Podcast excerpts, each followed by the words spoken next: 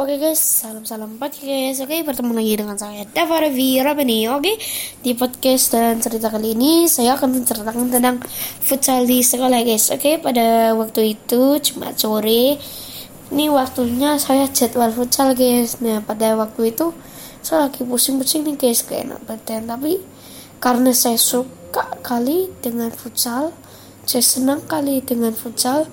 Nah, udah deh langsung saya berangkat dan sampai sana tuh badan nggak enak. Terus coach saya bilang Dava kenapa pak. Dava lagi nggak fit.